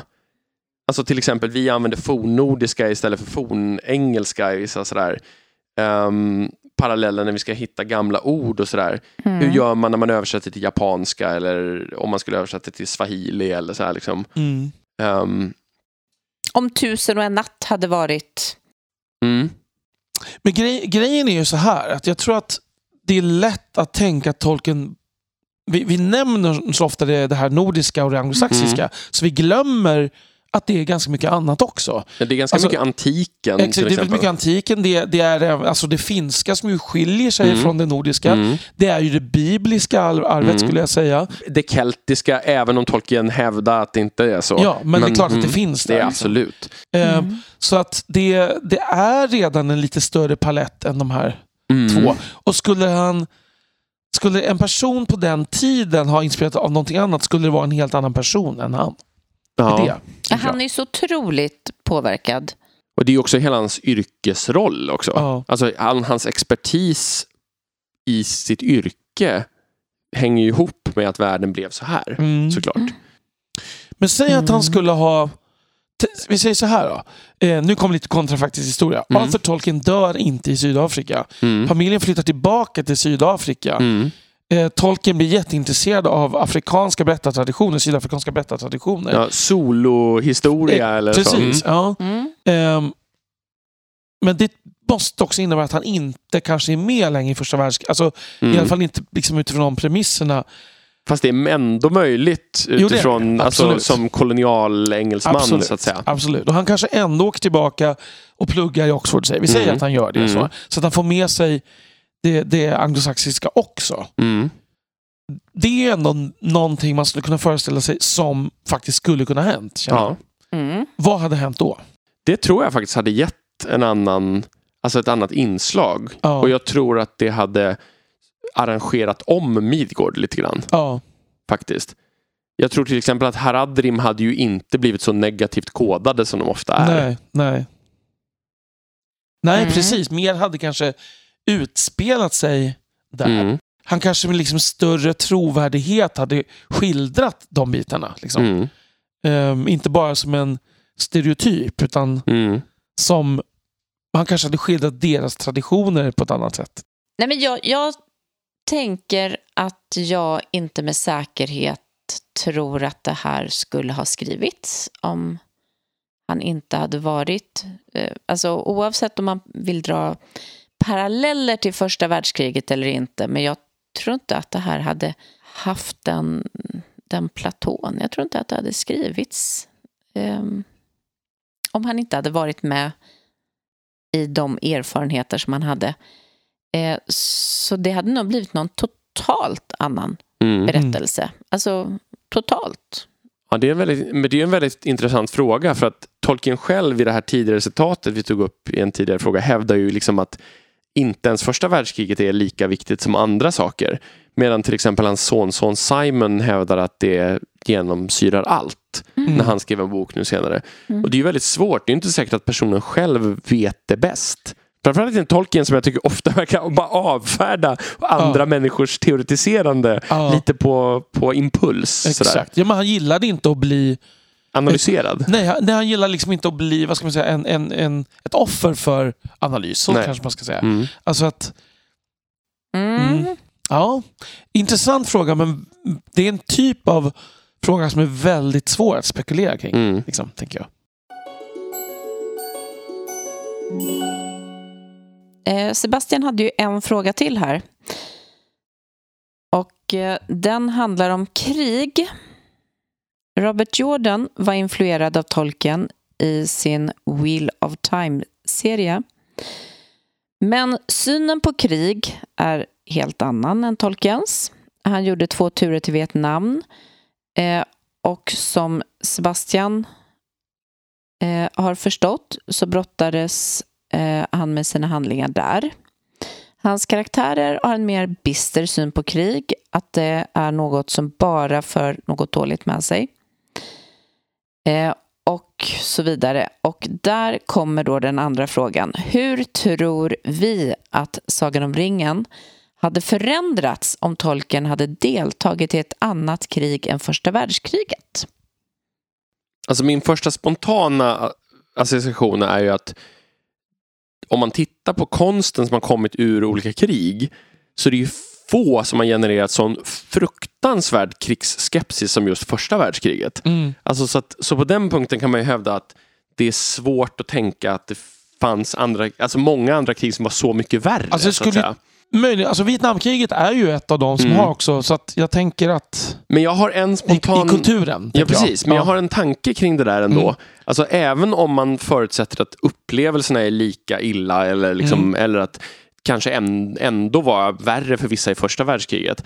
Så kan man tänka att Tolkien skulle nog ändå ha hävdat att liksom, det var vi vann, vi stred för någon sorts rättmätig sak och vi liksom eh, vi var tvungna, det var, det var fruktansvärt men vi segrade liksom. Mm. Medan Robert Jordan kom ju från ett USA där väldigt många var otroligt skeptiska och såg sig själva som de onda i men exakt. Vietnamkriget. Det var precis det jag Och, och där också. tänker jag, Mm. där blir det en väldigt stor skillnad. Ja, ja, precis. För det påverkar ju såklart synen på krig generellt. Om man själv inte ens vet vad det man gör gör för nytta. Mm. Liksom. Mm. För jag tycker Tolkien har ju en liksom, generell syn på krig där han tycker krig är fruktansvärt, krig ska alltid undvikas. Liksom, må- många gånger är fienden också humaniserad. Mm. Eh, även om det liksom ibland förblindas i krigarraseriet. Liksom Mm. så. Mm. Men det finns ju ändå alltid en underton av att liksom kriget, det rättfärdiga kriget finns ju. Mm. Alltså man Jag måste ju kriga. säga, ha- han, jag tycker inte alls att han alltid säger att det måste undvikas. Jag menar alltså, jag inte säga att han alltid säger att det borde undvikas, men han tycker ju aldrig att det är bra att det blir krig, så att säga. Nej. Men däremot så menar han ju helt klart att det rättfärdiga kriget finns. Mm. Alltså i vissa lägen så är det det som man måste göra. Och att det är en plikt. Trots att det är hemskt. Ja, precis. Inte, inte för att det är härligt. Liksom. Nej, nej, verkligen. Ehm, och och det, där kan det ju vara de här liksom galoppscenerna med Rohirrim. Mm. De, har, de är ju dubbeltydiga för de är ju idealiserande. Mm. Alltså det är en oerhörd liksom, sån ton. Men samtidigt så är det ju väldigt mörkt parallellt. Ja, verkligen. Så att, ja, det är en väldigt dubbeltydighet där hos Mm. Tolkien. Mm. Mm. Men jag tänker också att det inte bara har med vilket krig man var med i också, utan också vilka årtionden man är med i kulturen och tänkandet i. Ja, Tror ni inte det? jo absolut. Det går ju inte att frikoppla från varann. Nej, nej men precis. Men Ja. det är såklart det inte gör. Men det är inte bara de individuella upplevelserna Nej, nej, på slagfältet Nej, som avgör. Exakt, det är ju hur det... Ja, det alltså jag tänker bara också att den stora skillnaden... En stor skillnad mellan första världskriget och Vietnamkriget är väl också just det att, att om man var if, alltså, kritisk mot kriget så var man ju mycket mer av en... Eh, liksom, alltså inte nödvändigtvis förrädare, men åtminstone en, en som var feg. Mm. Eh, än om man kom tillbaka från Vietnamkriget och sa samma sak. Liksom. Mm. Känslan att alltså, krigskritiken var så otroligt utbredd Mm. eh, runt Vietnamkriget. Och jag menar, det är ju den som på ett sätt avslutar Vietnamkriget. USA Ja. drar sig ju ur. Ja, så att säga. precis. Och det är den tror jag som har präglat alltså, populärkulturens syn på krig Mm. sedan dess. Ja. Liksom. Krigsfilmer efter Vietnamkriget är ju sällan idealiserande. Nej. Det, det finns ju undantag, men, men liksom... Mm. Ja. Men, Det är ju men, väldigt få som, som ändå säger att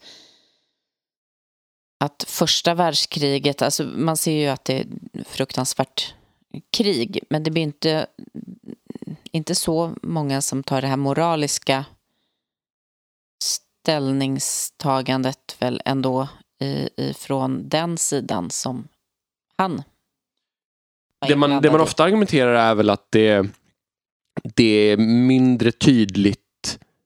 Alltså sidorna är mindre tydliga än i, i andra världskriget. Ja. Alltså att det, det är mer av liksom en effekt av politisk utveckling Ja. och, och eh, dominobrickor som faller. Liksom. Mm. Och Mm. att det är väldigt onödigt på det sättet. Att det blir Mm. liksom staterna offrar sina, offrar sina barn så att säga.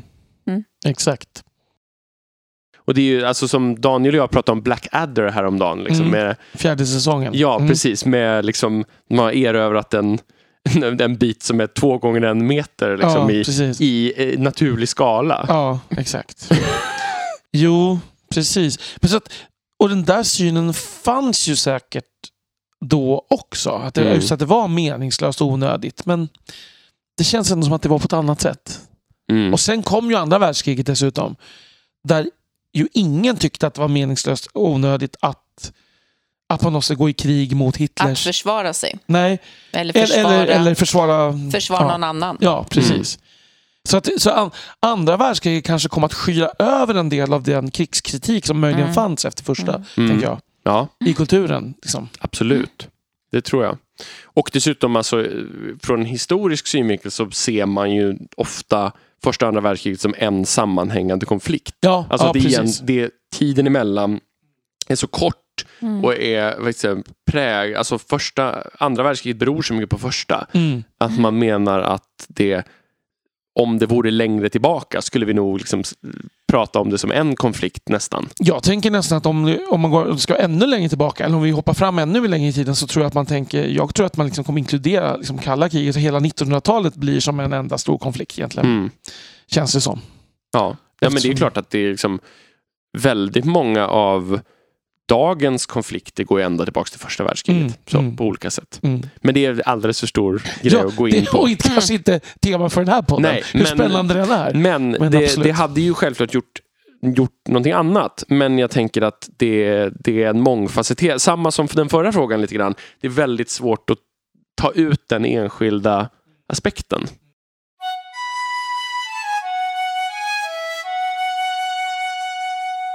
Ja, då tänker vi komma fram nu till eh, eh, avsnittets sista fråga. Och det är en fråga från Kristoffer. Ehm, och då handlar det om mötet mellan Gandalf och Doriens bane. Och då är frågan eh, om vi tror att Gandalf hade kunnat besegra Balrogen utan Narja, alltså eldringen där då som han fick av Kirdan för att knyta upp till den Mm. berättelsen. Det här var tidigare i avsnittet. Ja, exakt. Jag säger ja. Ja, det tror jag också. Ja, jag, jag tycker det är jättesvårt, och vi har pratat om det förut, det är jättesvårt att veta exakt vad alvringarna gör. Men jag tänker inte på det i termer att Gandalf får högre DPS, damage Nej. per second. Alltså, Nej, nej. Så, eller, så att, alltså det, det är så, det är inte riktigt så ringarna fungerar, tänker jag. Däremot så skulle man kunna mena att han får liksom en förhöjd kraft. Mm. Ehm, men jag skulle snarare vilja hävda att det liksom inte riktigt spelar någon roll. Eller förstår ni vad, Ja, jag, jag förstår. vad jag är ute efter där? Inte, jag tänker på något vis att den där ringen mer eh, fungerar som, som eh, att hjälpa folk att vakna, att eh, våga, att eh, Ja, ta sig för. Men, men inte rent eh, nej, ja, ja, styrkmässigt. det håller jag med. Jag, jag tror att det är mycket mer av en av att på något sätt hjälpte Gandalf med det egentliga uppdraget han hade. Ja, och jag Mm. menar alvringarna är ju inte vapen på det Nej, sättet. nej. För de är ju smidda också utan Saurons inflytande på ett annat Mm. sätt. Så jag tänker Mm. att de, om man tittar på vad, vad Galadriel gör med Lorien Precis. så är det något helt annat. Mm. Mm. Ja, men precis. Men, och den ringen är mer bevarande, men jag tänker att hans är mer...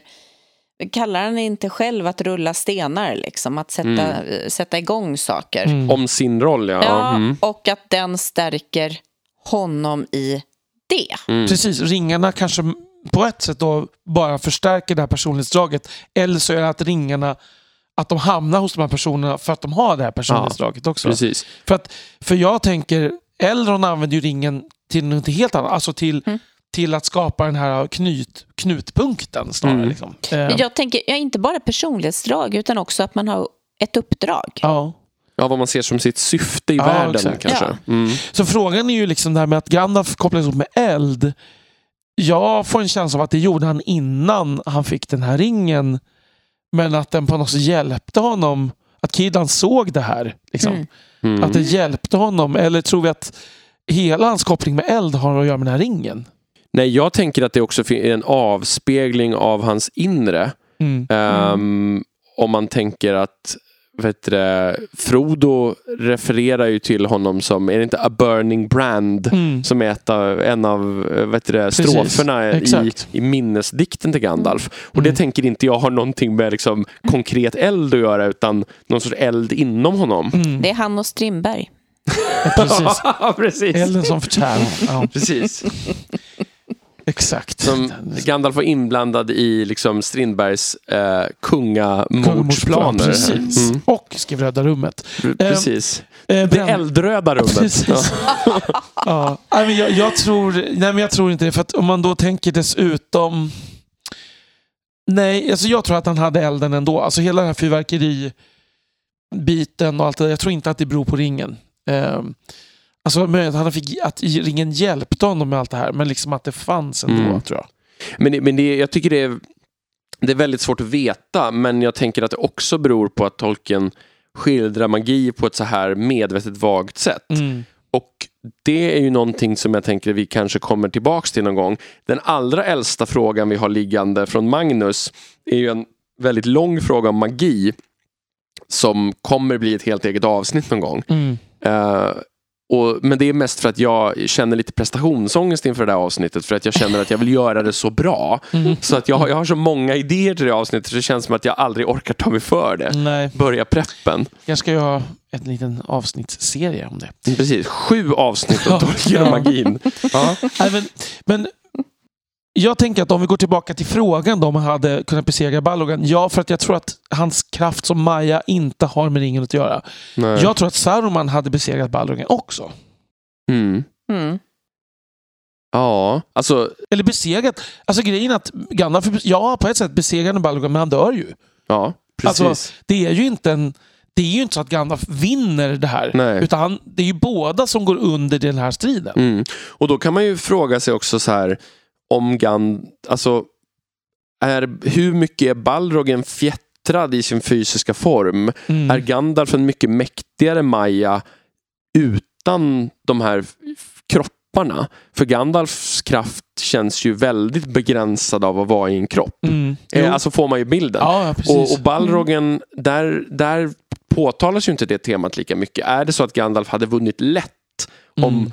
Om de båda hade varit i någon sorts mer fri form? Mm. Eller är det så att Balrogen också är begränsad från det den skulle kunna vara? Är alla Majar likvärdiga från början? Eller liksom, det Jag, tror, jag har en jag. känsla av att när de inträder i världen så blir de också fjättrade, fjättrade i världen. Ja. Alltså i Mm. världens, eh, vad ska man säga, förutsättningar. Och makt på det sättet är ju inte relevant innan världen finns. eller Nej, utanför nej. världen. Nej.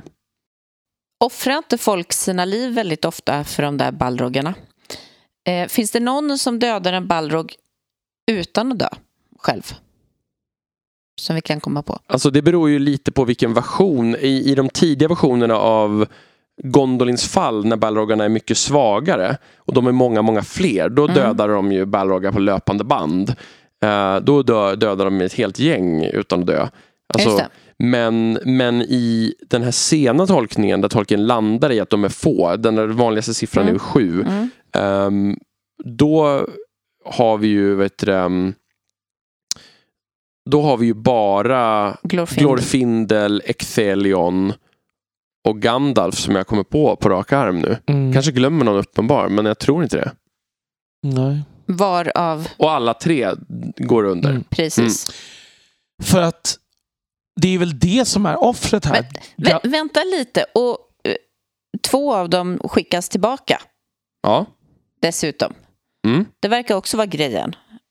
Stackars Ecthelion. Och andras, precis, han, kan, han bara pallar inte. Loser! Ja, jag- Eller så var det Ecthelion bara, nej nu tar jag pension. Ja. Han, sant. Ecthelion dödade ju faktiskt Gothmog också dock, som är Ja, den mäktigaste det. av Balrogarna. Mm. Ehm, Så han har förtjänat att ja, få... precis. Han, han fick det. sjukpension Ja, efter. precis. Ja.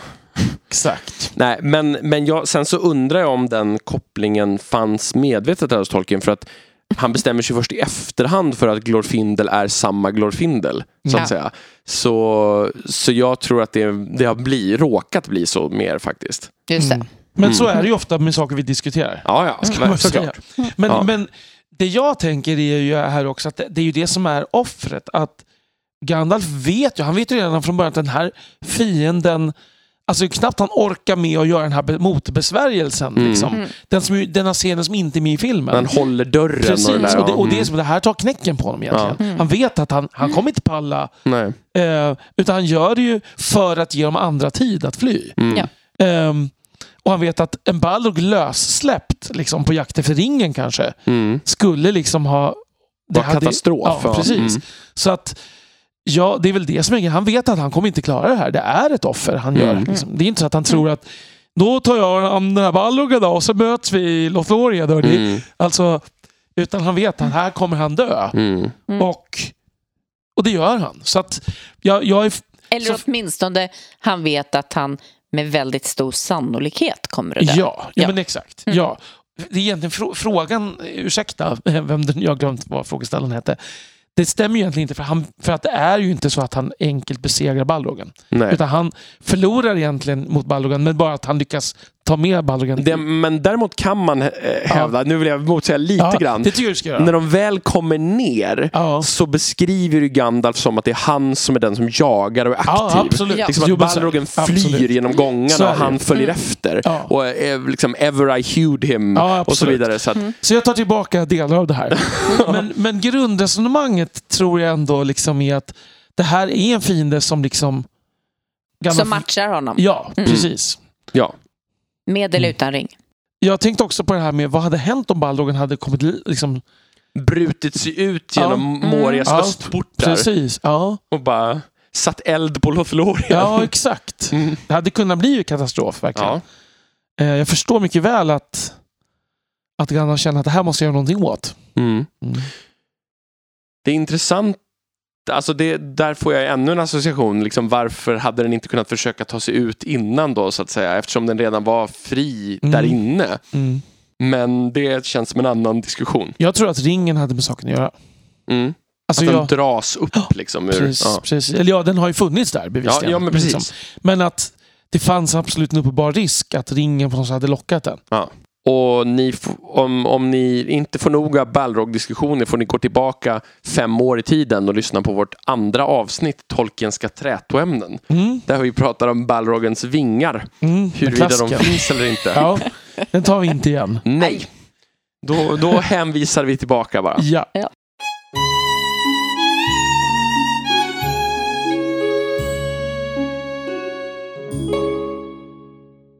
Ja, då hoppas vi att ni känner att ni har fått ert lystmäte för den här gången. Mm. Ehm, jag tycker det var kul att vi fick den här. Tidigare har vi ju liksom kanske betat av några frågor som var lite kortare. Men nu fick vi ju med en del av de här lite längre frågorna som har legat ganska länge. Så det känns skönt. Jag har haft väldigt dåligt samvete över mejlhögen ett tag. Mm. Eh, Men vi lovar, vi har koll på det ni mejlar. Och ni som inte har fått svar än, det är några stycken. Vi har inte glömt bort er. Vi är bara så här oartigt trötta och stressade. Så snälla bli inte arga om det dröjer några veckor eller till och med någon månad. Eller två och ett halvt år. Ja, men, men i, det här, i de flesta av de fallen har jag ändå kontaktat Ja. personen och sagt att jag har lagt till frågan Mm. till bra. vår frågelåda. Så att säga. Precis. Mm. Så, Och vi måste ju också bara tillstå att vi är extremt tacksamma, Adam, för att du har gjort all denna prepp Mm. som Verkligen. det här kräver. Tack. Eh, Eh. Jag, jag avsatte några timmar härom, härom helgen Ja. Det var, det var väldigt kul dock. Jag satt Mm. eh, vid köksbordet fullt med nästan alla Tolkien-volymer jag ägde. Så flera databaser öppnade samtidigt. Alltså jag ser bara- framför mig Gandalf där nere i Minas Tiriths bibliotek. Jag liksom. vet, jag vet Ja. inte om det var riktigt lika episkt. Nej, men fast, jag vill ändå se det så. ja, det var Ja. mer så här liksom höstsolen in genom köksfönstret och sådär. Exakt. Ja. Men, men eh, det var väldigt kul. Jag tycker det, det blir lite andra andning där ibland. Mm. Man känner det är roligare att göra det här än det jag borde göra ibland när man Mm, har andra faktiskt. eh, måsten i livet. Men då ska vi bara säga som vanligt att om ni funderar på något mer, ni har någon annan tolkning på någon, eh, i någon av de här diskussionerna eh, eller någon annan idé eller någon uppföljningsfråga, men kom ihåg att vi har otroligt mycket frågor kvar i, i listan, så får ni ju jättegärna höra av er eh, antingen på Facebook som vanligt. Nu har ju diskussionen gått varm ett bra tag, så det litar vi på att ni gör. Eller skicka den till tolkienpodden at gmail.com som Ja. vanligt. Ska vi passa på att säga det? Eh, att det verkar ju ha blivit någonting just nu på Facebook som gör att det har varit svårt att lägga in frågor. Eller kommentarer. Skapa in, ja, skapa in egna inlägg har varit Ja. svårt. Mm. För, vi har ingen aning om Nej. varför. Nej. Så om någon vet att det har hänt något på Facebook generellt nyligen, att de har gjort någon uppdatering, då får ni gärna berätta det för oss. Och- För vi, det är inte vi som har liksom blockerat Nej. er eller så. Nej. Och, och ännu hellre om någon vet hur man plockar bort det. Ja. För som Precis. sagt, det är inte vi som har, har försökt ändra på någonting. Nej. Nej. för vi uppskattar de här grejerna som vi Ja. lägger in. Det är jättekul. Mm. Ja, då återstår det bara att tacka för oss och, och hoppas att ni har det bra till nästa gång. Eh, ha det så bra, hej då! Hej då! Hej hej!